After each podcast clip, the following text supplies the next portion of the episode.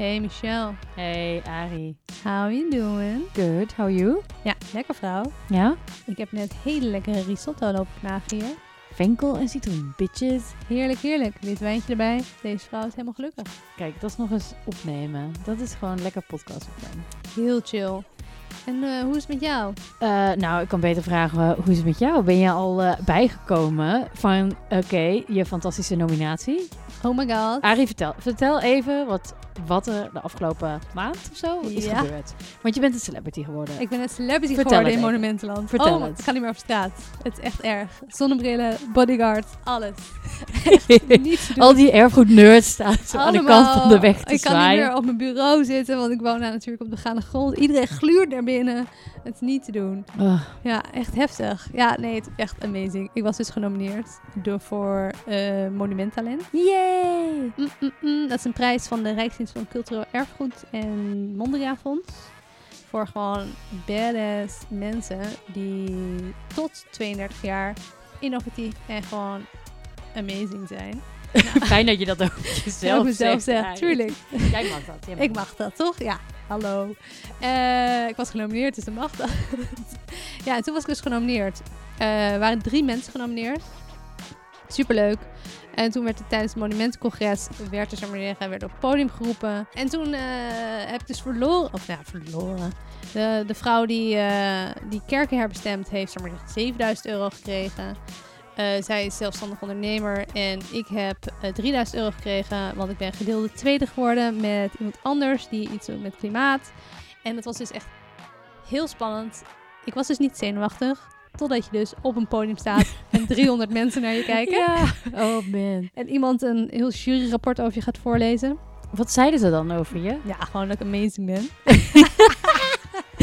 nee, ze zeiden alleen maar leuke dingen. Dat ik eh, gewoon heel vet werk doe en innovatief ben. Hey, Nice. nou dat ben je zeker. En toen kreeg ik eh, dus een hele grote check en die heb ik aan de muur gehangen. Echt nice. En als je wil weten wat ik doe voor werk, sta ik nu ook op YouTube met een heel filmpje. En er was een hele social media campagne omheen. En nog steeds krijg ik elke dag meldingen dat iemand iets liked op LinkedIn waar ik ooit in ben getagd. Dus het is alleen maar, leuk. alleen maar leuk. Helemaal goed. Helemaal celebrity. Helemaal leuk. Celeb. was echt leuk. Echt thanks voor de shout-out.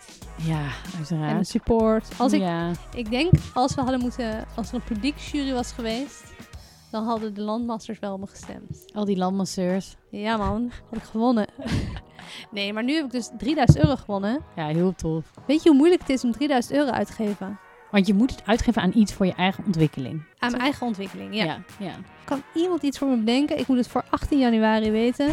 Graag iets wat in mijn ontwikkeling me ook echt, zal ik maar zeggen, verder helpt. En ook landmassas-ontwikkeling, toch? En landmassa-ontwikkeling. Want uh, ja, hallo. Shout-out naar Landmassa natuurlijk. Mhm. Uh, nou, stuur al je ideeën in. Graag naar uh, landmassapodcast.gmail.com.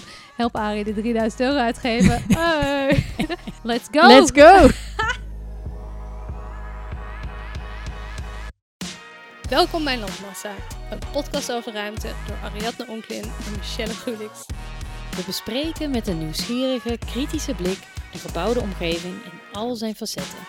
De zaken die ons opvallen, de personen en organisaties die dit vormgeven en de mensen die het beleven. Hey terwijl we hier nu um, aan ons gembertheetje zitten te sippen, Mm. gaat het helemaal mis in Rotterdam, of niet? Uh, nou, het gaat deels helemaal mis, maar deels ook helemaal niet. Vertel! Ja, ik, uh, nou, het, het, zal niemand zijn ontgaan dat uh, ongeveer twee weken geleden is het nieuwe depot van Museum Boymans van Beuningen geopend. What? What? Nou, iedereen schreef erover. Even uh, de stenen optillen voor de mensen die eronder hadden gelegen. Die zijn nu op de hoogte. ja, je bent nu op de hoogte. Ja, even in het kort. Uh, Museum Boymans van Beuningen, een van de beroemdste musea, een van de leukste musea ook, vind ik, van Nederland. Ja, het uh, als hij niet dicht, is. Ja. Als hij niet dicht is. Um, daarover later meer. Um, maar die hebben dus iets heel bijzonders gedaan. Die hebben een depotgebouw geopend. Is dat en, bijzonder? Nou, eigenlijk is een depotgebouw dus helemaal niet bijzonder. Want heel veel musea hebben dat.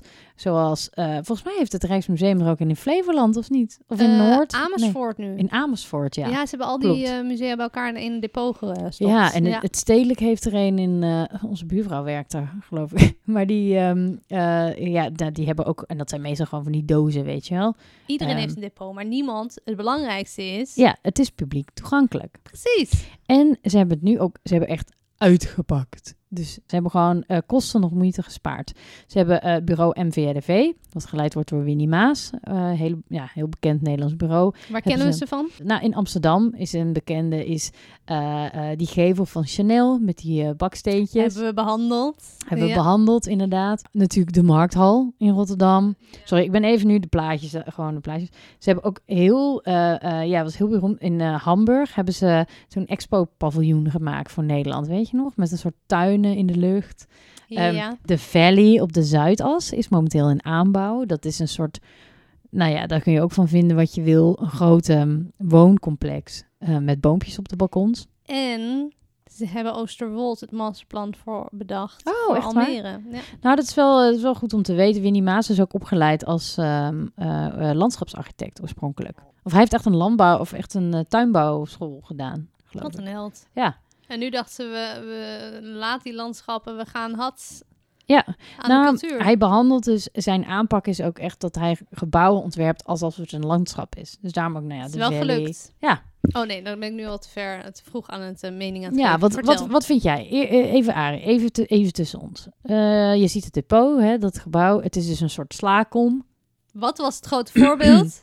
Het grote voorbeeld was dus ook een metalen slaakom van de IKEA. Dat is toch amazing. Weet je wat ik het beste vond? Is Mm. dat Ikea op de socials ging zeggen... koop nu het schaalmodel. het schaalmodel. Dan heb je dus het schaal en het schaalmodel. Briljant. Dan ben je toch briljant? Briljant, En dan ja. vind ik dat je nu al de marketing award van het jaar hebt gewonnen. Die stagiair die, eh, die krijgt nu een baan. Ja, dat moet wel. Echt briljant. Ik vind het amazing, want het is gigantisch. Ja. Maar het valt weg in de omgeving. Je ziet de hele stad erin eh weerspiegeld. Ja, Het is ook enorme concurrentie, denk ik, voor het nieuwe instituut qua architectuur, spectaculariteit. Ah, en de kunsthal en eigenlijk alles wat daar in de omgeving ligt. Ja, je hebt, zeg maar zeggen, je hebt, eh hoe heet die, Eh, Rem, Rem- ons vriend van de show, Rem Koolhaas van de kunsthal. Wie heeft elke weer NAI, een nieuw instituut ontworpen? Jo, Eh, Jo Koenen. Jo Koenen. Is eigenlijk de, de grote star architects en nu, hup, zet M4DV er gewoon eventjes iets spectaculairs tussen. Maar het is wel heel lowbrow. Het is echt...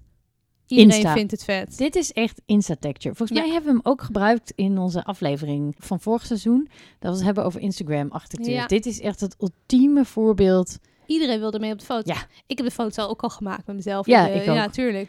Ja, ik- toen het niet af was, zag je al van wow. Maar toen ik de render zag, dacht ik... hoe kan op dat mini-stukje grond dit enorme gebouw verrijzen? En nu staat het er, denk je, ja, pas prima. En waar is het gebouw? Want eh, ik zie alleen maar Rotterdam erin. Ja. Je moet er wel op een zonnige dag naartoe gaan. Ja, ik was op een regenachtige dag. Hmm. Was wel, wel oké. maar ja, Ik vind het heel vet. Wat vind jij? Ik, ik weet het dus nog niet. Ik denk echt dat dit zo'n geval is. Ik ben er zelf nog niet. Ik ben er geweest toen het nog niet open was. En toen heb ik rondgelopen en ben ik heel lang gaan zitten kijken. En toen vond ik het best wel leuk. Maar ik wil het van de binnenkant zien. Ehm, en daar wilde ik het dus vandaag even over hebben. Het grappige is dus dat in de Nederlandse media is iedereen lyrisch. Iedereen vindt het geweldig. Alle architectuurrecensenten zijn echt mega enthousiast. Die zeggen inderdaad van, eh, nou, de- bijvoorbeeld het NRC. Bernard Hilsman vindt het leuk? Eh Bernard Hulsman is, eh, is, is fan. Ehm, nou, ik zal even een paar dingen, wat hij zegt. Nou, wat jij ook zegt, van ze weerspiegelen vooral de lucht en de stad. Het maakt dus echt heel erg deel uit van de stad, doordat Ja. het het letterlijk reflecteert. Mensen worden onderdeel ervan, omdat ze zichzelf erin zien, wat ook een leuke, leuk is. Ehm, ze vinden ook het atrium helemaal geweldig eh, bij het NSC. Ons, ons Bernard eh, vindt het ook helemaal top. En hij is echt altijd kritisch. Ja, hij is ook. Nou, oké. de laatste tijd heeft hij wel echt heel veel vier. Hij geeft ook een vier sterren recensies de laatste tijd. ja Dat ik denk van ja, heeft- dude, je heeft moet ook de stomme gebouw. Precies, hij heeft te veel naar de podcast van Aaf en Mark Marie geluisterd, denk ik. Ja, hij geeft alleen maar leuke dingen. Ja, Kirsten Hadema, Volkskrant, vijf sterren. Die was helemaal, die was echt eh, een soort in de zevende hemel bij dit gebouw. Eh, die vond het een kruising tussen de god van Alibaba en de Wonka-fabriek. als je binnenkomt. Amazing. Klinkt helemaal leuk. Ehm, nou, eh, ja, alleen maar niks dan lof. Dus eigenlijk de Nederlandse grote architectuur, grote Critici, critici vinden het allemaal helemaal top. Nou, en dan zoomen we even uit. En ehm, gaan we lekker even naar Engeland. En daar heb je Ollie Wainwright. Hij is echt een hele goede recensent van The Guardian. Ja. En die kan heel lekker juicy schrijven over architectuur. Dus als je nog een tip nodig hebt van wie moet ik nou lezen als ik echt leuk over architectuur wil lezen, nou, abonne- ik weet niet of je het kan, maar abonneer je even op zijn artikeltjes, want het is echt Love it. heerlijk om Love te it. lezen. Maar onze vriend Olly was dus, eh, om het even zo zacht te zeggen, niet zo fan van het gebouw. Is hij er geweest? Ja, nou, hij was er duidelijk geweest. Hij heeft zich Ja. echt helemaal ingelezen. Oh. En dan krijgt hij eigenlijk... eh, hij had eigenlijk best wel interessante, eh, ja, interessante opmerkingen erover. Nou, hij vindt het gewoon helemaal niks. Daar komt het op neer. Ehm, hij zegt zo bijvoorbeeld... ehm, aanvankelijk zou er, een dak, zou er een bos op het dak komen. Ja. En nu, hij zei van ja, nou, het is een soort ring van bomen rondom de rand. Een beetje treurig. Van dat is niet. En verder is het een groot paviljoen wat je een, een soort eh, feestruimte die je kunt huren. Of Hm. het Songfestival kan Of het organiseren. Songfestival, ja, ja. nou, en hij heeft ook wel wat kritiek over... En dit, wel, dit had ik ook niet meer zo in mijn gedachten. Maar ehm NVDV heeft de competitie gewonnen... en zijn op een gegeven moment ook gedisqualificeerd... omdat het bleek dat Charles X, de directeur van het Boymans... Ja. tijdens die competitie contact had gehad met Winnie Maas, de architect. Waarom? Eh, eh, nou ja, dat weten we niet. Maar Oh. dat kan je dus inderdaad, dat moet je gewoon disqualificeren. Want dan heb je misschien informatie gehad die andere architecten niet kon hebben. Maar interesting. Dus dan dacht je van, oh, hm. Waarom zijn ze dan uiteindelijk wel gewonnen als ze gedisqualificeerd zijn? Ja, ze, ze hebben daar echt, eh, eh, de architecten, architecten hebben daar dus tegen inge, eh, Bezwaar- bezwaar gemaakt. En dat hebben ze uiteindelijk gewonnen, omdat ze blij- bleek dat ze dus niet een voordeel hadden gehad. Maar, hoe weten ze dat? Wie heeft er lopen klikken? Dat de directeur contact Waarschijnlijk, nou, als ik even uit mijn ervaring met tenders, dan is dat een van de ach- andere architectenbureaus. Ja, die dat ergens heeft gemerkt of heeft gehoord. En dan denkt, ja, maar hé, hey, dat is niet oké. dat is niet oké, want dat is inderdaad oneerlijk. Ja. Maar goed, dat was dus opgelost. Dus Ja, dat, eigenlijk ja. kun je daar, ja, kun je iets van vinden, maar ook weer niet zo heel veel. Maar dit ben vond zo ik... benieuwd. Sorry, wie, hoe zijn de andere ontwerpen geweest? Zijn die gepresenteerd? Ja, nou, want NVRDV heeft eerder ook een ander ontwerpje voor gemaakt. Wat eruit ziet als een... eh, en dat is ook het hele grappige. Dat was een soort ontwerp op vier poten. En dan zegt hij ook van, de recensent van... Ja, dat leek wel op de laktafel. Dus dat andere Ikea, iconische. Ikea-ontwerp. Dat is ook wel grappig. Oh. Nou, laten we daar een plaatje van zoeken. Dat kunnen we ongetwijfeld vinden. En dan kunnen we Ja. die ook delen op de Insta. Dat is wel leuk. Eh, maar hij heeft nog meer kritische punten die eigenlijk toch best wel... daar- waar je toch anders naar het pand gaat kijken. Ehm, want hij zei van de meeste eh, delen van het... Dus in het gebouw zie je inderdaad stukken uit het depot van Boymans. En best wel veel. Maar hij zei... Ja, maar eigenlijk de meest, de grootste delen van het gebouw zijn, eh, die geven, bieden plaats aan de privécollecties van bepaalde bedrijven, zoals Rabobank en KPN. Hè? En die, ja, die, die steunen dit. Maar hij zei, ehm, dat betekent dus ook dat zij eh, ehm, voordelen, eh, belastingvoordelen eh, kunnen krijgen, omdat ze dus hun kunst daar opslaan. Ja, Wow, dus maar heeft Boymans nu genoeg ruimte voor zijn eigen kunst? Of gaat er nu eh, ruimte eh, gebruikt worden voor andermans kunst? nou, er zit dus ook ruimte in voor andermans kunst. Dus het is deels wel een depot van Boymans, maar het is zeker niet alleen maar van Boymans. Dus dat is wel Dat is interessant. interessant. En het toegangskaartje is nog steeds iets van 20 euro. Wow, voor een depot. Ja, ja. Dus hij zei van, hij, hij vindt het moeilijk te rijmen dat je dus best wel een hoge prijs betaalt. Want ik bedoel, hoeveel... Nou, ik was in het Louvre dit weekend. Dat is 18 euro. Ja, Dus dan het is meer dan- dan alle heb je het van heel de wereld heb je, ja. Dus het is best wel een, een forse prijs. Ehm, nou, interessant. Interessant. Ja, interessante Nou, opmerking. en, en het gaat ook, eh, eh, gaat ook maar door. Want waar hij ook kritiek op heeft, is inderdaad die verbouwing van het Boymans zelf. Nou, dat is echt een soort saga eh, zonder eind. Oh my god, een beetje een soort van Amsterdam Museum 2.0, Ja, toch? het was echt in hele slechte staat, dat pand uit de jaren 30. Prachtig pand. Maar bleek ook helemaal vol met asbest te zitten. Ehm, en de financiering van die verbouwing eh, was heel moeilijk. Het is een 260 eh, miljoen eh, gaat dat kosten. Ja. Nou, dat is best wel pittig. Ehm, Hebben ze financiën al rond? nee, dat ook nog niet. Of in ieder geval ten tijde van het openen volgens mij nog niet. Ehm, en Meccano, ander groot Nederlands bureau, zou die verbouwing gaan doen. Maar die willen een nieuw, een, een van de vleugels van het museum, dat pas in 2003 is gebouwd, wilden zij weer slopen.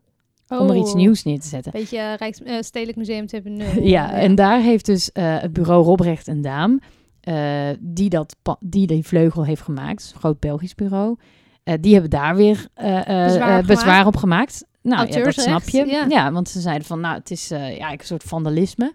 Het En zeker qua klimaat is het ook niet echt eh, gunstig om dat weer te doen. Niet heel duurzaam. En het zal best nog prima functioneren. Ja, en ehm, eh, door dus die aanpassing van al die plannen, da, da, da, is die heropening dus ook verschoven nu al van februari 2026 naar 2028. Jezus, Nou, en dat loopt end. natuurlijk uit, want Ja. de leer mij de bouw kennen. Eh, nou, het mu- museum is dus inmiddels twee jaar gesloten. Renovatie zou zeven jaar duren, maar dat wordt dus drie jaar meer. Ja. En dan zegt hij ja, en tegelijkertijd, ehm, eh, ja, er moet, oh ja, er moet dus nog 35 miljoen worden gevonden daarvoor.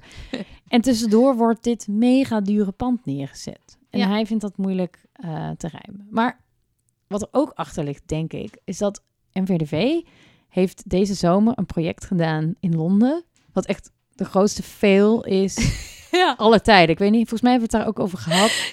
Ja, over die soort van Die berg. grasberg. Ja, het is ze wilden een soort, ook een soort iconische tijdelijke installatie daar neerzetten. Die heel veel mensen, omdat tijdens corona ging niemand meer naar die winkelstraten. Nou, dan moeten we toch wat publiek trekken. Hadden ze een soort berg en die renders waren natuurlijk amazing. Eh, Als je het over greenwashing en renderporno hebt, was dat echt dat echt... ultiem. Ja. Met een soort mooi bos erop en waar je dan op kon klimmen. Leuk idee. Maar het was echt, als je de foto's nu ziet van wat het is geworden, was het echt dramatisch. Een En dat van was hoop gras, hoop, hoop gras Ja, eigenlijk. En dat wordt toch in, eh, in Londen echt gezien als een soort... Ja, hier zijn ze gewoon getuimd in de, de mooie praatjes van de architect.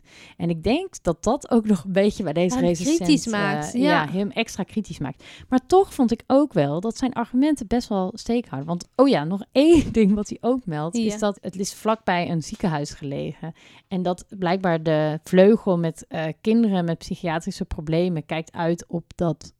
eh, Nee. op- en het was eigenlijk te veel stimulering of over, eh, ja, overstimulering voor kinderen. En nu? Wat moet het En ziekenhuis eh, nu gaan ze daar boompjes tussen planten. Of dat was al bedacht, schijnbaar. Maar ja, toch een beetje. eh.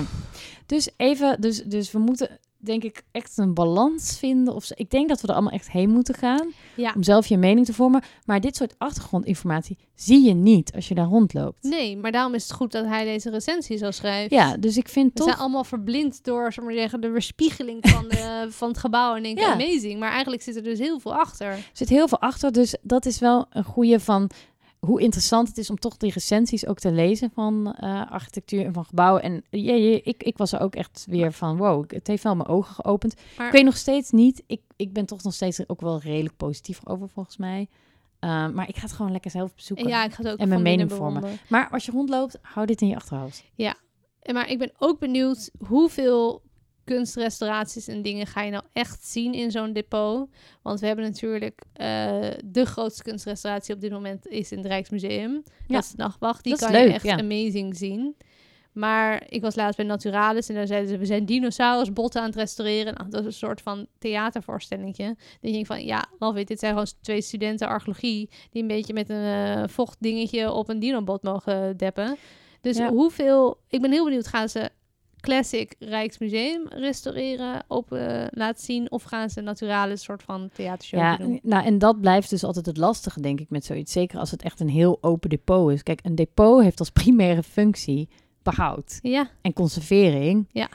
Als je het openstelt voor publiek, haal je wel wat op de hals. Ja. Ehm, want bijvoorbeeld, nou even Klimatisering. eh, bijvoorbeeld tekeningen mogen niet te veel daglicht hebben. Ja. Dus uiteindelijk, ik denk dan, wat ze gaan laten zien in zo'n museum zijn niet de topstukken in zo'n depot. Dat zijn wel mooie dingen. ja Maar ze kunnen sommige dingen kunnen gewoon niet. ehm, ja, daar kun je niet lekker dichtbij langskopen. Een Maar- rem. Oh, sorry, er komt hier een kat heel goed wel. smeken om een eh, knuffel. Maar je hebt soms ook heb je van in, in van die oude musea heb je ook soms zo'n ruimte die helemaal vol staat met vitrines met zeg maar zeggen 6 miljoen eh, kopjes in zit. Ja, Het, eh, die, Ook het die- Louvre. ook het Louvre. Maar die, die hoeveelheid, die dat je denkt van deze veelheid maakt het ook vet om Ja. te zien. Ja. Dus je hoeft niet elke schilderij te bekijken. Maar als je gewoon die rekken vol kunst ziet, misschien is dat al een vette ervaring. Ja, ik denk het wel. Nou, dat is trouwens wel grappig. Wat eh, in een van de recensies las ik ook dat toen Boymans opende, eh, nou ja, 100 jaar geleden zeg maar, toen hing alles op zaal. Dus ze hadden helemaal geen depot nodig. Dus Oh. toen had ze gewoon alle kunst, iets van, ja, hing gewoon in de ze- ruimtes. Misschien moeten ze eh Boymans gewoon Ontzamelen. ja, en gewoon een depot houden. ja. Hmm. Maar eh, het is dus wel een heel interessante casus. En ook gewoon die hele verbouwing die er nu aankomt. Nou ja, hopelijk gaan ze dan met het depot. Dat kan natuurlijk, dat is de andere kant. Ze krijgen internationale aandacht voor zo'n soort project. Nou, wie weet levert het extra veel bezoekers en toeristen op die allemaal die 20 euro lappen. Sowieso. En dan kun je je, eh, nou ja, dat is een mooie financieringsslag voor jouw museum verbouwen. Ja, maar en de mensen die niet elk eh, museum bezoeken, maar nu denken, oeh, dit is leuk Instagrammable, die gaan ook. Dus Ja. het is ook interesting, Michel. Ja, dus eh, ga er vooral wel naartoe. We gaan er Zou ik naartoe. eh, willen, willen Wellicht adviseren. komen we er nog op terug. En dan horen we graag je mening.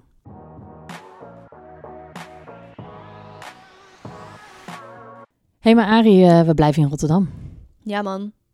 Feyenoord. Vertel. Ja, Feyenoord, we hebben het er al een keer over gehad. En er zijn weer nieuwe ontwikkelingen. Vertel ons alles. Oh my god. Ik heb dus eh, deze podcast zoals gewoonlijk voorbereid. En ik heb opgeschreven, Feyenoord, geen woorden en geen daden. Krijg en geen een- geld. krijg ik nu ook een marketingbaan. ik vond Ja. hem zelf heel erg leuk bedacht. Ja. Oké, love it. Eh, ja, ze gaat niet helemaal lekker daar, hè? Nee. Jesus. Holy moly. Binnen 24 uur werd er gewoon gecommuniceerd... Zo, doordat de Kuip niet verbouwd gaat worden. Toen binnen een paar uur, oh, misschien toch wel. En een paar uur later, oh, toch niet, oh, toch wel. Dus het is echt Heerlijke van, communicatie ook. Love it. Oké, nou even back, back een paar stappen terug. Eh, Wat was er ook alweer aan de hand, wat Arie? is er aan het handje? Nou, zoals ongeveer elke stad in Nederland is ook Rotterdam mega druk met het verdichten, nieuwbouw. Binnen de bestaande stad bouwen. Ja. Eh, ja, nou. Vriend van de show, Rem Koolhaas.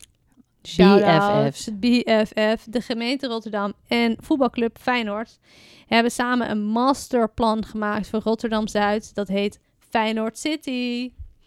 Ehm, nou, de bestaande stad krijgt, zoals ik heb opgeschreven, een allure-injectie. Yes, de allure injectie. Heerlijk. Lekker de buurt transformeren, woningen Mhm. bouwen, betere verbinding met de rest van de stad. Lekker, gen lekker gentrificeren, parkje lekker- erbij, lekker- waterfrontje ja, lekker toegankelijk maken. Wat? Eigenlijk, je kunt dit soort dingen ook gewoon dromen. Dit soort teksten. een levendige stadswijk.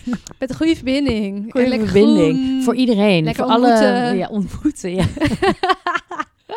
Oh En veel volop groen voor iedereen. Voor ja, precies. En dan zijn we om te ontspannen en te ontmoeten. van die mini-pierkies, weet je, de eerste twintig jaar. Die Oh. hing van, wat zijn dit? Zijn dit Ruimte voor creatieven Gasprieten. Ja, gasprieten. en ambachten. En studenten, hè?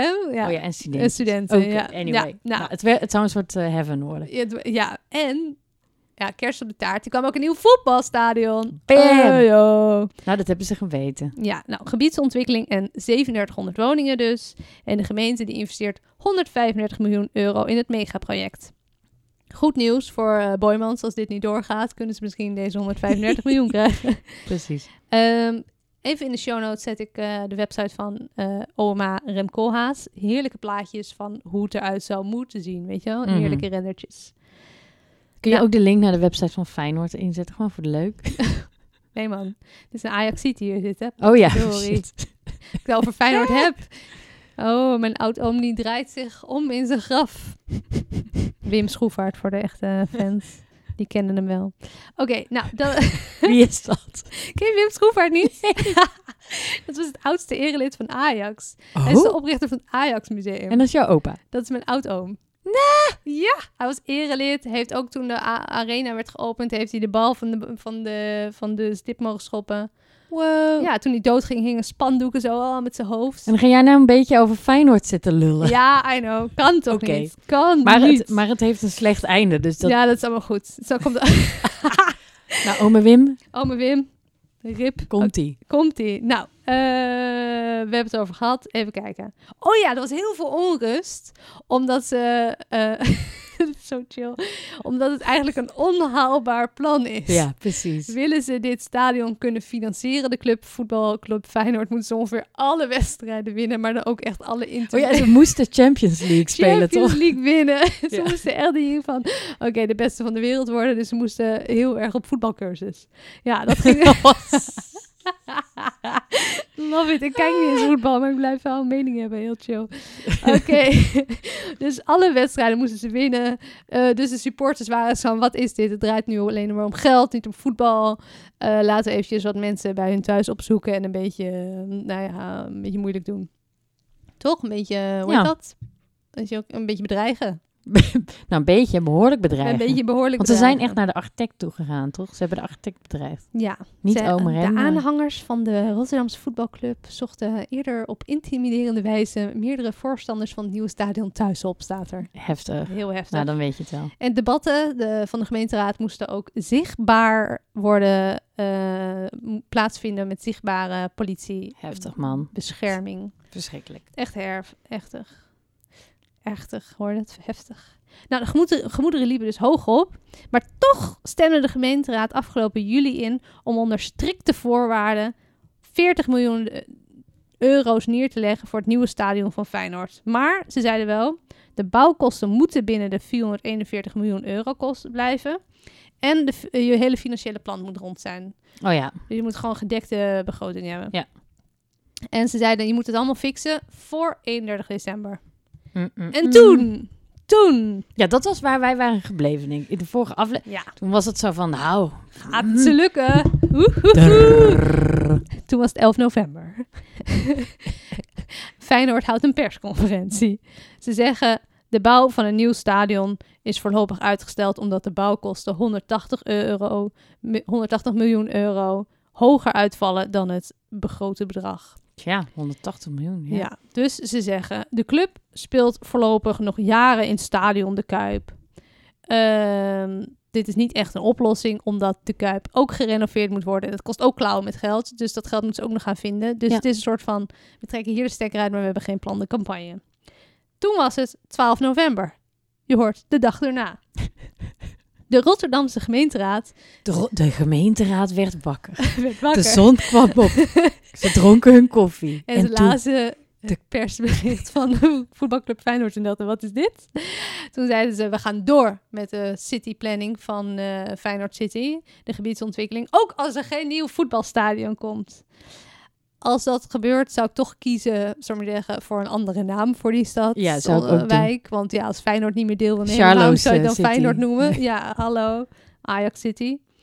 Klein, klein, klein probleempje. Sparta City. Klein probleempje als, eh, als de gemeenteraad zegt... We gaan, eh, we gaan door met de gebiedsontwikkeling vak Feyenoord. Zeggen, eh, het, het ligt een bestemmingsplan. En in dat een bestemmingsplan is eh, waar de gebiedsontwikkeling in staat vastgetekend. Mhm. En daarin is geen eh, alternatief ge- ingetekend voor het eh, stadion van Feyenoord. Ook voor de huidige Kuip is er in het toekomstige bestemmingsplan geen ruimte, want op die plek moeten allemaal woningen komen. Dus ze zeggen, we houden vast het bestemmingsplan, maar dat kan helemaal niet, want je hebt een nieuw stadion nodig, wil je je bestemmingsplan kunnen uitvoeren. Snap je? Ah. Ja. Toen was het 19 november. De gemeenteraad blijft bij het standpunt. Door met Feyenoord City. Of nou ja, Ajax City, want Feyenoord doet niet meer mee. Ze blijven vasthouden en geloven in het bestemmingsplan. Ehm, maar parallel, dat communiceren ze dus een week later opnieuw. Ja. Eh, parallel hieraan ehm, zijn de tegenstanders van het bestemmingsplan al naar de Raad van State gegaan. Voordat dit he- deze hele saga met Feyenoord die zich terugtrok Ah. begon. Want die zeggen, dit is gewoon een slecht plan, we willen dit niet. En dat is, eh, Raad van State is een belangrijk bestuursorgaan van de regering, hoogst gerechtssprekende Ja. instantie die een uitspraak doet over Dat geschillen. is, ja, als je, tussen- echt, als je er echt niet uitkomt, als je echt vindt dat je in ongelijk staat, dan is Dan- het je laatste redmiddel. Precies, Ja. als je geschild tussen burger en overheid. Ja. Nou, eh, dat hebben dus de bewoners die daar nu wonen gedaan. Daka Sport, Pathé, eh, en dan bedoel ik niet het eten, maar gewoon de bioscoop Pathé, drinkwaterbedrijf Evides, supporters en stichting Vrienden van de Kuip. Zij zijn naar de Raad van State gegaan en hebben bezwaar gemaakt tegenover het eh, bestemmingsplan. Dus, eh, en de Raad van State dacht, love it, laten we het doen. En toen hebben ze een spoedzitting ingepland. En toen ging soort van, ontstond er enorme puinhoop omdat Feyenoord zei, we willen het niet, we willen het wel, we willen het niet. En toen zegt, zijn de Raad van State, oké, we gaan dit later behandelen. Eh, Feyenoord, gemeente Rotterdam, fix je shit. Je hebt 1 februari om, zeg maar zeggen, Ja. standpunten ja. beter in kaart te brengen. Want wij moeten uitspraak doen over deze, dit bezwaar. Nou, dat vindt parallel plaats. Toen, op 22 november, Feyenoord geeft Hmm. aan dat ze minstens een half jaar nodig hebben om alternatieven te onderzoeken. Alle opties liggen weer open. Waaronder ook een oud plan uit 2014 voor de renovatie van de Kuip. Ja, ja, ja. Dit plan sluit, eh, sneuvelde eerder omdat de club er niet uit kwam betreft de kosten. Je zou denken, ze zullen toch wel wat geleerd hebben, maar toch niet. De gemeente ziet het liefst toch een doorstart van het gestrande Feyenoord City-plan. Het is dus één grote saga. Het is niet normaal. Dus de gemeente wil het liefst Heel heftig. de gebiedsontwikkeling. Feyenoord wil niet betalen, maar als ze afhaken ligt het hele bestemmingsplan in de prullenbak. Hoe mooi zal het zijn als ze er eindelijk uitkomen dat ze denken, oké, we kunnen een bestemmingsplan uitvoeren en dat de Raad van State zegt, oh, we zijn het eens met degene die bezwaar heeft gemaakt, bestemmingsplan in de prullenbak. Dat zou leuk zijn, toch? oh, ik vind het wel... Ik denk dan wel ook aan, aan al die mensen die dit aan het plan hebben gewerkt. Van, wat een wasted hours of zo. Nou ja, misschien niet wasted, maar... De, eh, gewoon de tijd die hierin wordt in geïnvesteerd. Maar die gewoon allemaal... geld, weet je hoeveel Geld, hierin zit? Oh ja, is dat al... eh, Nee, maar ik weet gewoon uit ervaring hoeveel geld Ja, dit kost. En dit Want is het vertraagt deze ontwikkelingen en dergelijke. dit is verschrikkelijk voor elke Want ik heb wel- En ik heb juist ook en gehoord dat, dat de Kuip... En dat, er moet iets gebeuren. Want dat stadion is geloof ik echt Ja, verouderd. er van blaast dat, tegenaan en eh, flikkert in elkaar. ja. Dus, ehm, en ik denk dat het ook gevoelig ligt tegenwoordig. Want je hebt best wel een paar ongelukken gehad met Ja. stadions die, eh, die niet meer zo lekker eh, deden. Nou, dus er moet iets. Ja. Maar ehm, Het is ook best wel heftig dat je de stekker eruit trekt.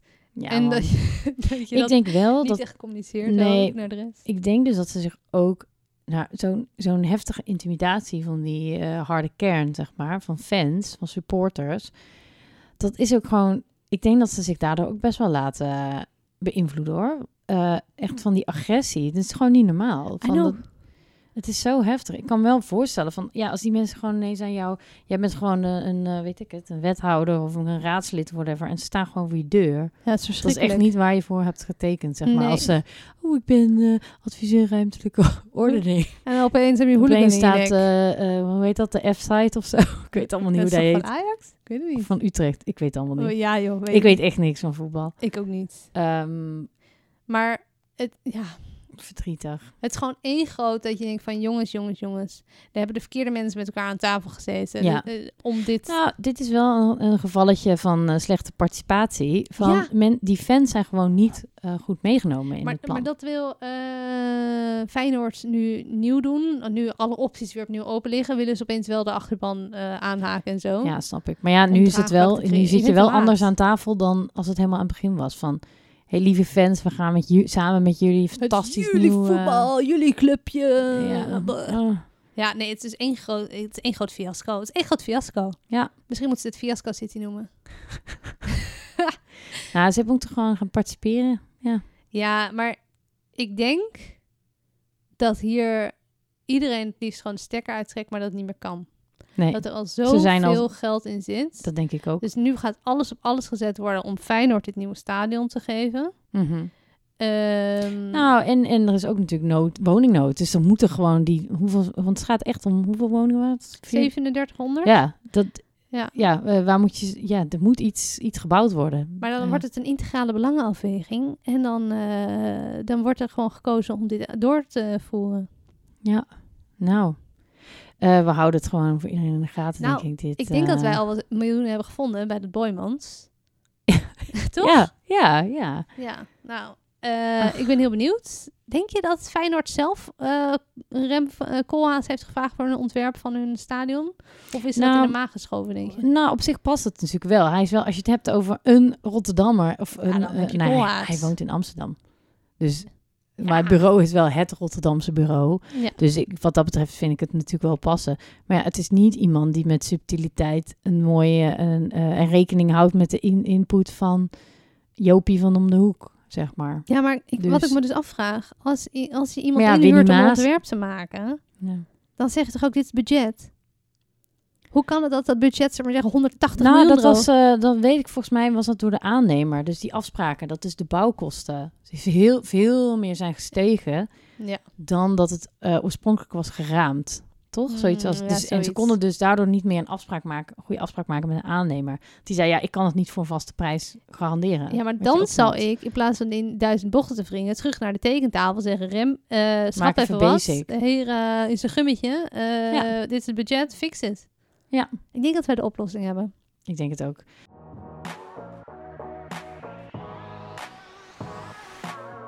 Ja, al die problemen in Rotterdam. Ja. Misschien hebben ze in Amsterdam wel de oplossing gevonden. Ja. Ja, want daar is onlangs een burgerberaad geweest. Vertel me alles. Ja. Nou, eh, een burgerberaad. Dat is dus een soort nieuwe vorm waarop mensen inspraak kunnen hebben op plannen van de gemeente. Is dat een soort van participatie? Nou, het is dus wel net wat anders dan dat. Want eerst dacht ik ook, is het een soort ehm, referendum of zo? Is de hoogste stap van de participatieladder? Ja. Wat is dit? Nee, want eh, bijvoorbeeld bij een referendum wordt het meestal is het, heb je altijd een voor- of tegenvraag. Ja. Dat is dit niet. Eh, en dat werkt ook vaak heel polariserend. Dus mensen gaan dan, worden dan alleen maar bozer op elkaar. Maar het is ook wel anders dan inspraak. Eh, een inspraakavond gaat altijd over een lokale kwestie waarin plannen die al gemaakt zijn worden voorgelegd. Maar een burgerberaad is dus iets waarbij plannen die nog eigenlijk nog niet zijn gemaakt, waar mensen echt zelf met plannen kunnen komen.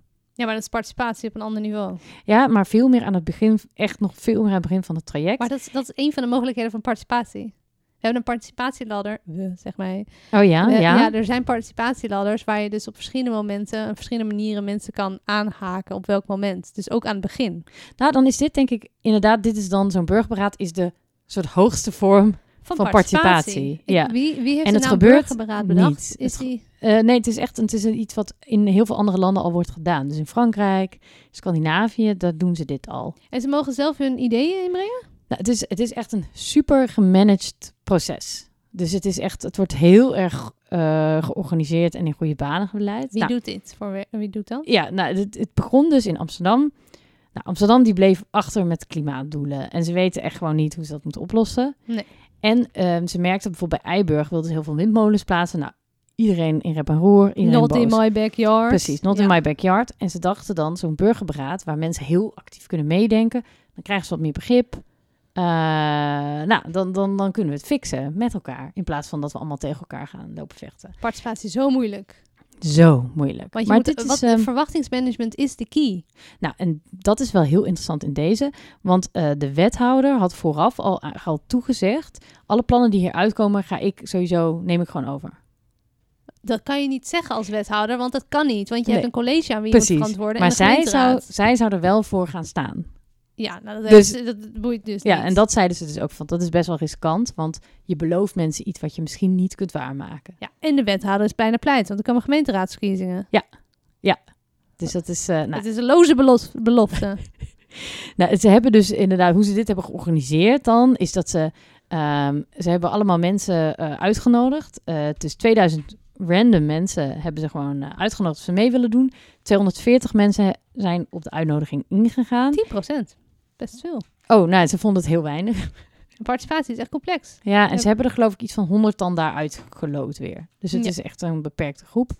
Dan kregen ze in eerste sessies kregen ze heel veel informatie van experts. Dus ze kregen duurzaamheidsexperts, mensen van het KNMI, die hun gewoon gingen voeden met, nou, dit zijn allemaal informatie. Maar dat waren externe experts, niet onderdeel van het burgerberaad. Nee, en, en niet onderdeel van de gemeente, echt eh, eh, van allerlei partijen, wel geselecteerd door de gemeente. En die experts gingen de burgers informeren. Ja.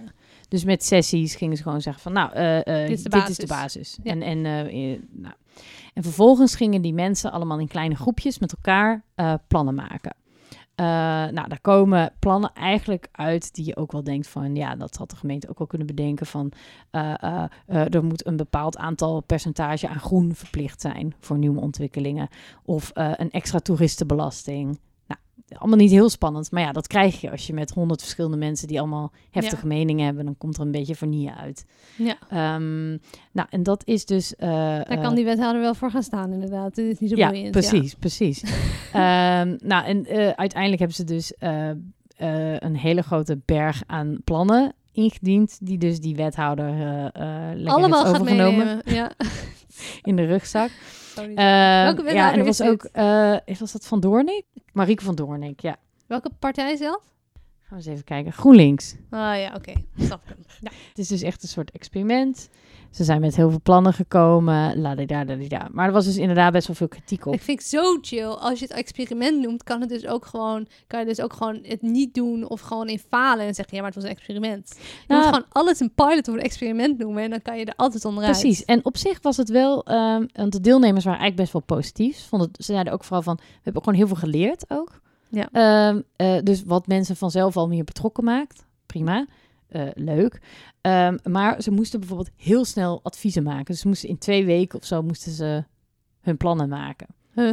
Wat natuurlijk heel moeilijk is, want ja, eh, je moet met... Je moet ook nog werken. geld ja, verdienen. en, en Ja. dus dat, daar was wel kritiek op. En ook hoe representatief het was. Want uiteindelijk zijn het natuurlijk mensen met tijd die hier aan meedoen. Zin, mensen die er zin in hebben en nou ja, die, die, die zich hebben aangemeld. die zich hebben aangemeld. Dus het is niet helemaal representatief voor de hele stad. Maar Eh, dat is het probleem van participatie. ja. Je hebt altijd dezelfde type mensen die meedoen. Precies. Dus ehm, nou, uiteindelijk is er dus, eh, waren ze eigenlijk wel redelijk positief en willen ze het vaker doen, maar met dus de lessen die geleerd zijn. Maar ik vraag me wel af van, is dit echt een manier waarop je inderdaad, is dit, is dit de soort holy grail waarmee we participatie gaan oplossen? Wat Ik denk hoop je? Jij bent natuurlijk gemeente. Ja, maar ik zit helemaal in die participatie, zoals je weet. Ik vind participatie het moeilijkste ever, want je kan Ja. het niet goed doen. Je kan wel zeggen, oh, dit is fantastisch, want we hebben 100 mensen aangehaakt. Hoeveel mensen wonen in Amsterdam? Voel ik mij vertegenwoordigd voor door deze mensen? Nee, want ik heb ze niet op zich kunnen stemmen. Dus wil, had ik eigenlijk zelf willen meedoen aan de participatie. Maar hoe Ja. ga je dan met mensen in gesprek? Op welk niveau? Hoe vaak, hoeveel, ja, wat complex is, hoeveel moet je mensen voeden om met iemand het, een gelijkwaardig gesprek te kunnen voeren over dat onderwerp? Dat is echt complex. Ik vind participatie, ehm, iedereen heeft er veel over te zeggen. Ik heb nog geen enkel voorbeeld Heeft iedereen gezien. veel te zeggen over participatie? Nee, sorry. Nee, maar iedereen doet nu iets met participatie Ja. en doet er onderzoek naar. En het is Ja. allemaal. Maar het is zo moeilijk. En ik heb gewoon alleen maar voorbeelden gezien. Ik heb zelf ook participatietrajecten doorlopen voor mijn werk. Je kan het gewoon, je doet je best om zoveel mogelijk mensen mee te nemen in die participatie. Maar ik heb nog nooit een voorbeeld gehad waarvan ik dacht: ja, dit is fantastisch. En iedereen vindt het ook fantastisch. Want er is Ja. nooit, je hebt nooit iedereen mee. En Nee. nooit iedereen is gelukkig. Dus ik vind participatie het moeilijkste ever. Maar het is verplicht. Hè? Vanaf de Ja. 1 juli 2022 komt de omgevingswet. Die vervangt alle bestemmingsplannen en dergelijke. En die verplicht gemeenten en overheden participatie mm, te gebruiken en in te voeren. En daarvoor heb je een participatieladder. En daar staat dus informeren is ook een van die ladders. Dat ik denk, ja, het is dat is gewoon natuurlijk communiceren. bullshit. Dat is Ja, een render, render opsturen naar mensen. dat vind ik niet... eh, En, maar, en je kan dus helemaal zeggen, jongens, dit zijn de, vijf opties, welke wil je? Maar je kan dus ook inderdaad aan het begin meenemen. Maar ik vind het ook complex, want je kiest niks voor niks een volksvertegenwoordiger in verkiezingen. Tot waar gaat, ze maar zeggen, de volksvertegenwoordiging en wordt het soort van wie het hard schreeuwt, krijgt wat hij wil. Want dat is vaak het geval bij Ja, participatie. De mensen die de wegen snappen en kennen en het hard schreeuwen, die, daar wordt naar geluisterd. Dus ik vind participatie heel moeilijk. Nou, en ik denk ook zeker bij zo'n onderwerp als verduurzaming. Ik vind het leuk om mensen te, eh, mee te laten denken. Aan de andere kant, het is zo'n onderwerp wat aan alles raakt in je omgeving. Dat die complexiteit is niet te overzien. Ja, Dus ik heb liever van waarom niet een expertberaad bijvoorbeeld. Waarbij ze allerlei marktpartijen Ja, en adviseurs en een paar... Weet je, Maar het hele idee is dat je de burger naast de expert zet op hetzelfde niveau. In plaats van dat je, het wordt gewoon, dus ze krijgen dezelfde rol toebedeeld. Dat is het Ja. hele idee van die participatie. Ehm, ik vind het een uitdaging. Ik vind het leuk. Eh, je kan ermee experimenteren. Maar ik wil eerst. Ik wil, ben heel benieuwd naar goede voorbeelden. Ik vind het heel leuk dat ze het burgerberaad noemen. Maar het is gewoon verkapte participatie. Die ze met een fancy woord een beetje proberen te pluggen. En dan ben je een soort van kijk ons is. En daarna de wereld rondreizen met kijk ons burgerberaden. Maar het is gewoon participatie. Ja, nou, ik vind wel dat. eh, maar ik vind het wel te prijzen dat ze iets nieuws proberen. Want eh, participatie. Ik heb dus ook een paar keer gehad. Was laatst bij. toen woonde ik nog op de Rozengracht hier in Amsterdam. En toen hadden ze voor de Elandsgracht van wil ik die auto vrij? En toen kon ik gewoon een soort stembiljetje invullen, ja of nee. Dat is Maar meer toen- een enquête. Dat is een beetje pol. Dat is geen ja, participatie. en toen dacht ik ook van wow, maar dit is inderdaad stom. Dit is gewoon, sorry, hoe kan... Of laatst moest ik dus invullen van, eh, oh, ja, wil ik dat het verkeer, eh, wat wil ik dat fietsers op de Haarlemmerstraat nog, of wil ik dat er auto's op de Haarlemmerstraat mogen rijden? Ja, weet ik, weet je. Ja, maar dat ik is... ben geen verkeersafwikkelingsexpert. Precies, Ik- maar dat is, het moeilijk, idee. dat is het moeilijke. Er zijn die mensen die we hebben voor geleerd en gestudeerd. En die expertise, die moet je gebruiken. Maar de hele participatie verplicht mensen om die experts naast de inwoner te zetten. Wat ik ook snap, want je bent een inwoner. Maar ja, je, hebt, je kiest volks, volksvertegenwoordiger. Je snapt, I love participatie, maar ja, hij heet het ook. En ik vind het super interessant. Ik denk dat er nog heel veel onderzoek gaat plaatsvinden. Ja, zeker. En we kunnen het wel heel fancy burgerberaad noemen, maar ik denk dat we gewoon het beest bij de naam moeten noemen en gewoon participatie en gewoon de lessen wel moeten meenemen. Ja. En ze boffen dat ze een wethouder die zegt ik neem alles mee en ik ga ervoor staan. Ja, maar dat is ook het risico. Want straks houdt inderdaad de raad alles tegen. Ja, Ja, wat, precies. en, dan, en dan word je alleen maar boos en geïrriteerd als deelnemer. Van ja, Ja, zo van er wordt niet Piet naar me geluisterd. Ja, en ook, ik heb voor Piet Snot eh, drie weken lang eh, mijn, mijn eh, plannetjes uit zitten tikken. Ja, maar dat is ook. Maar dat is het hele politieke klimaat. Dus eh, daarom is het soort van. Het valt me al mee dat die wethouder zegt: zeg maar wat je wil, ik neem toch wel mee. Dat vond ik al dat ik dacht van: oké, raar. Maar dan inderdaad de gemeenteraad, die kan het nog allemaal gaan tegenhouden. Ja. Ik vind het ehm, moeilijk interessant. En dan door het burgerberaad te noemen, maak je het niet makkelijker.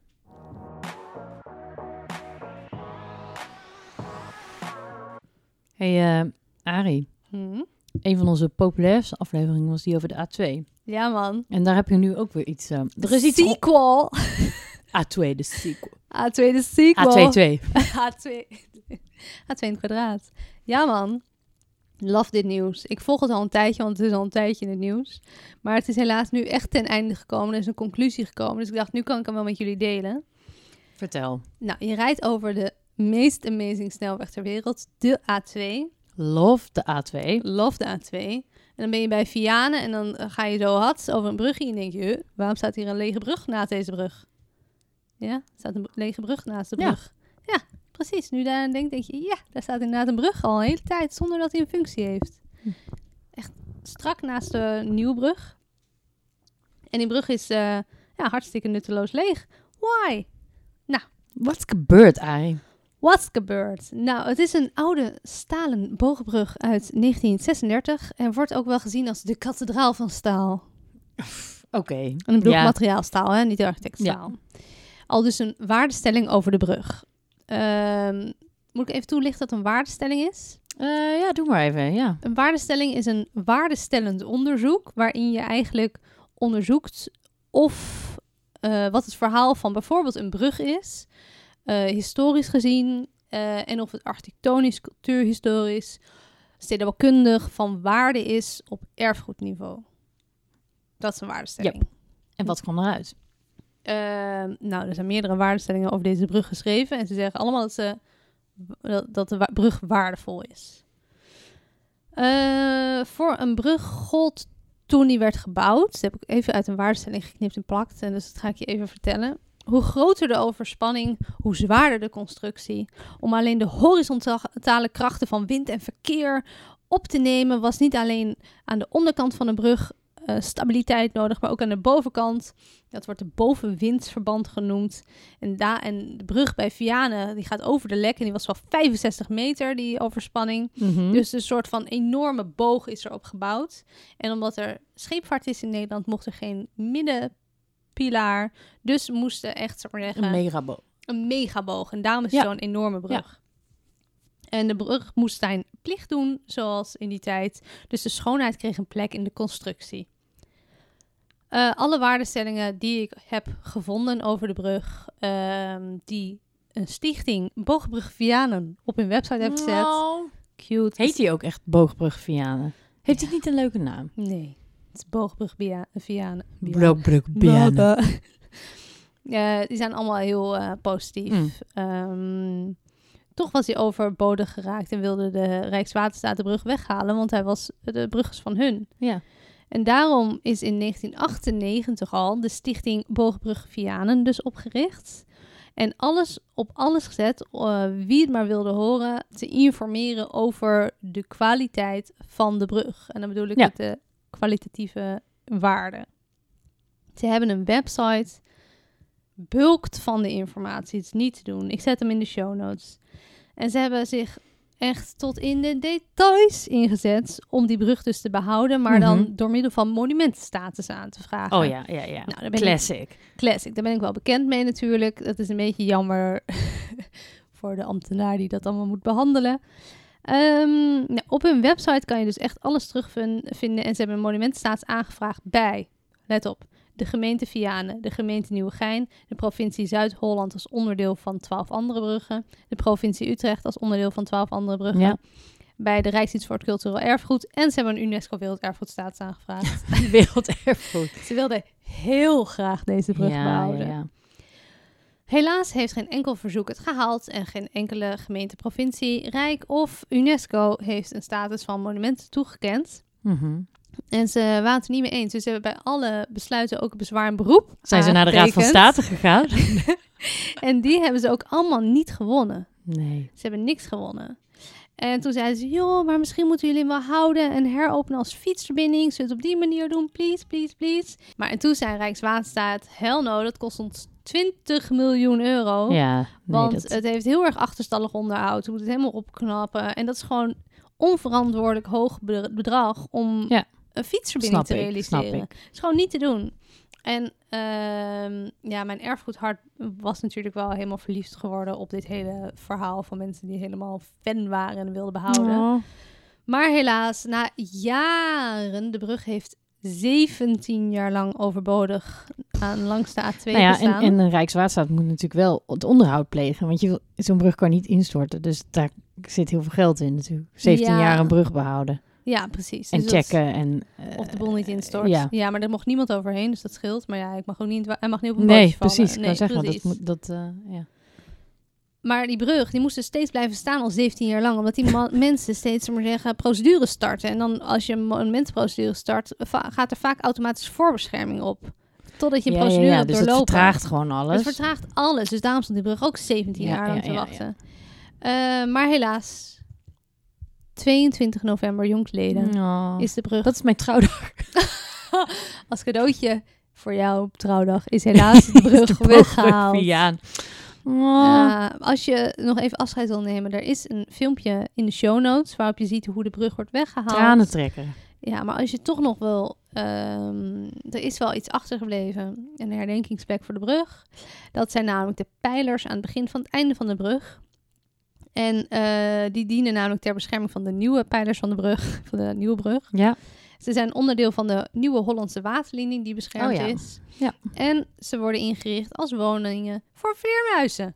Nou, Helemaal leuk. helemaal Hey, leuk. Eh, maar wat gaat er gebeuren met, met die brug? Wordt die gewoon ontmanteld en, en Ja, die is dus... kunnen mensen een, brug, een stukje brug eh, in hun tuin zetten? Nee, hij is, eh, hij is op een ponton gezet. Toen Ja? is hij afge, via het water afgevoerd. Is hij in stukken gezaagd. En nu is hij, hij is overleden.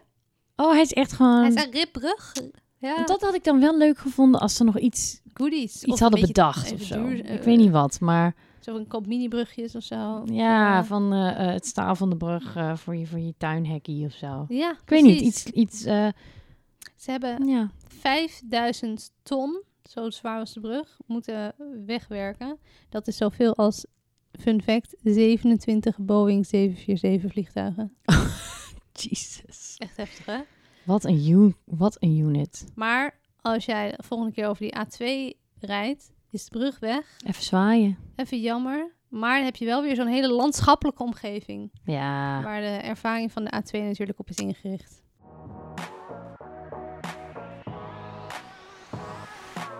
En nu het hoogtepunt van deze aflevering. Wat is het? Wat, welke maand komt eraan, Michel? We wish you a Merry Christmas. We wish you a Merry Christmas.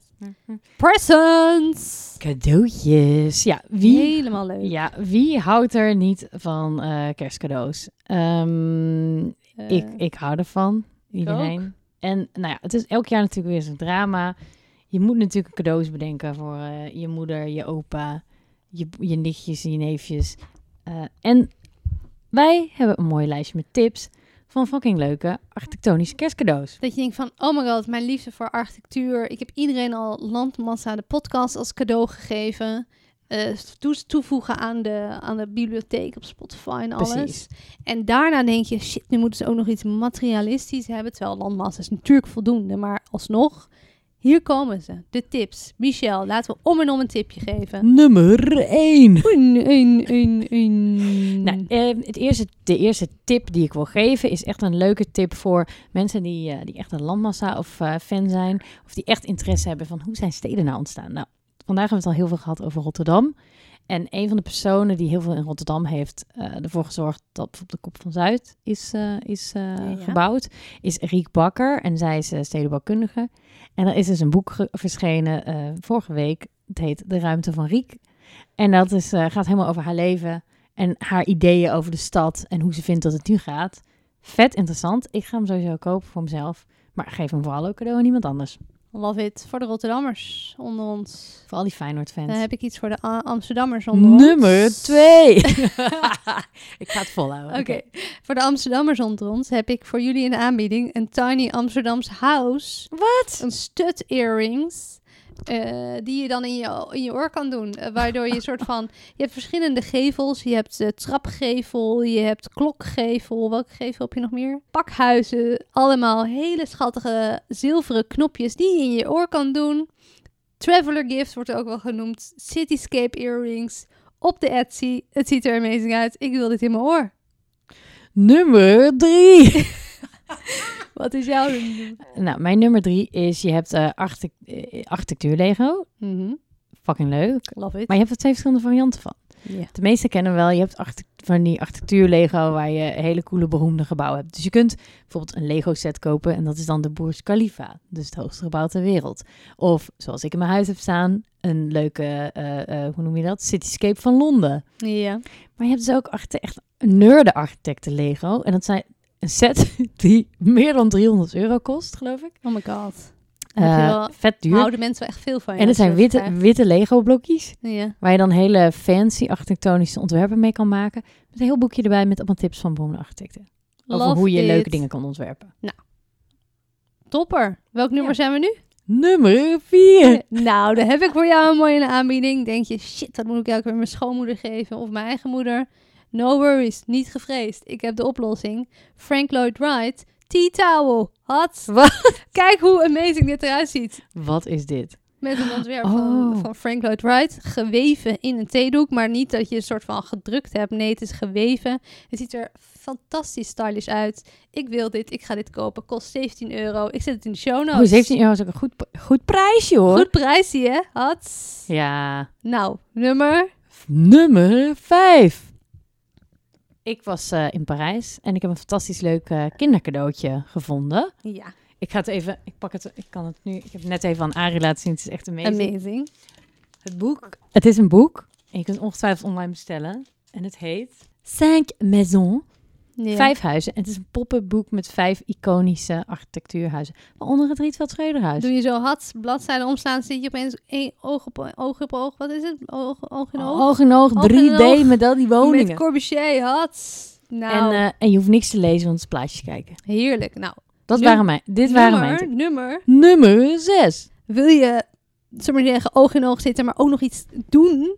Dan heb ik voor jou, ik zit helemaal in Frank Lloyd Wright, Frank Lloyd Wright paper models, waarin je, we maar zeggen, met papier, ik laat het even aan Michel zien, moet je Cute. knippen, vouwen en dan bouw je met papier gewoon schattige mini Frank Lloyd Wright gebouwtjes sla. Dit Heel wil je. cute. Dit wil je. En dat voor maar 29,99. Nou, hartstikke flats. Even kijken, ik heb nog meer hoor. Mag ik door? Eh ja, eh, waar zijn we? Nummer, nummer 6, denk ik. Ik heb ook nog Zeven? Ik weet het niet. Archidoodle. de Architect's Activity Book, waarop zeg maar zeggen, de grootste architectonische gebouwen ter wereld zijn afgebeeld, gedoodeld met één lijn. Maar maar de helft. Dus je kan de andere helft kan je zelf naproberen te tekenen. Ben jij hier de, de Eiffel naast mij? Kan jij die Eiffeltoren ook zo mooi maken als Eiffel hem ooit heeft ontworpen? Laat het zien. Dan heb ik iets voor iets fantastisch. Welk nummer zijn we? Nummer 7. heb ik iets voor iemand die geen smaak heeft. Maak uw... Die heb je ook altijd in elke familie. Is er iemand dat je denkt van... Oh, deze persoon is heel erg fan van New York... of van Rotterdam of van Amsterdam.